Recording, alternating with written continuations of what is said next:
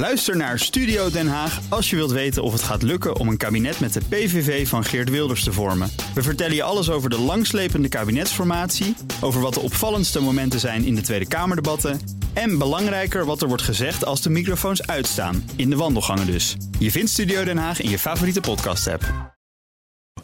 De column van Bernard Hammelburg. Zonder scheldkanonade of een paar vette beledigingen voor of tijdens een reis voelt Donald Trump zich kennelijk niet senang. Zo ook bij zijn staatsbezoek aan het Verenigd Koninkrijk. Al voordat hij aan boord ging van Air Force One had hij lekker om zich heen gemapt. Hij prees Nigel Farage, gaf openlijk aan te hopen dat Boris Johnson, een soort kloon van Trump, maar met een deftiger accent en minstens zo filijn in de kunst van het beledigen, de nieuwe Britse premier wordt en het land voortvarend in een harde brexit stort.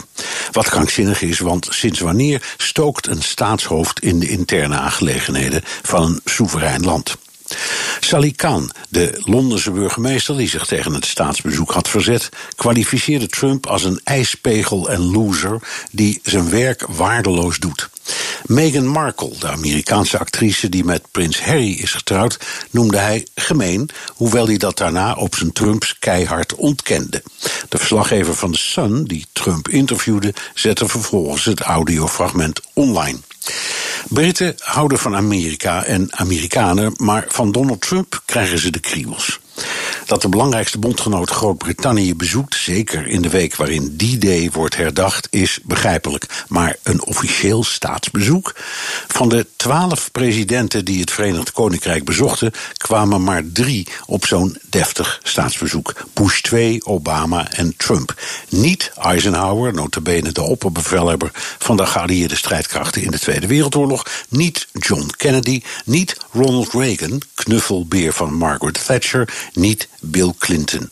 En alleen al aan beveiliging kost Trumps staatsbezoek de Britten 45 miljoen euro. Natuurlijk denken de Britten, zodra we uit de Europese Unie zijn, sluiten we een handelsverdrag met Amerika. Dus hup, gooi er maar een staatsbezoek tegenaan. Maar zolang het Verenigd Koninkrijk nog lid is van de Europese Unie, zijn zulke onderhandelingen verboden. En dan heb je ook Iran, de handelsoorlog met China, de boycott van Huawei. Allemaal kwesties waarin Amerika en het Verenigd Koninkrijk lijnrecht tegenover elkaar staan. Een kostbare zeepert voor de Britten dus. Maar een dikke opsteker voor Trump. Die wil maar één ding: een mooie statiefoto met Elisabeth. Voor zijn herverkiezingscampagne. De rest zal hem een zorg zijn. En dat zei Bernard Hammelburg. Woensdag onze columnist, zoals u weet, in het dagelijks leven, onze buitenlandcommentator. En al zijn columns kunt u terugluisteren, net als van alle andere columnisten, op bnr.nl in onze BNR-app, die u gratis kunt downloaden. En pak er dan meteen een podcastje bij.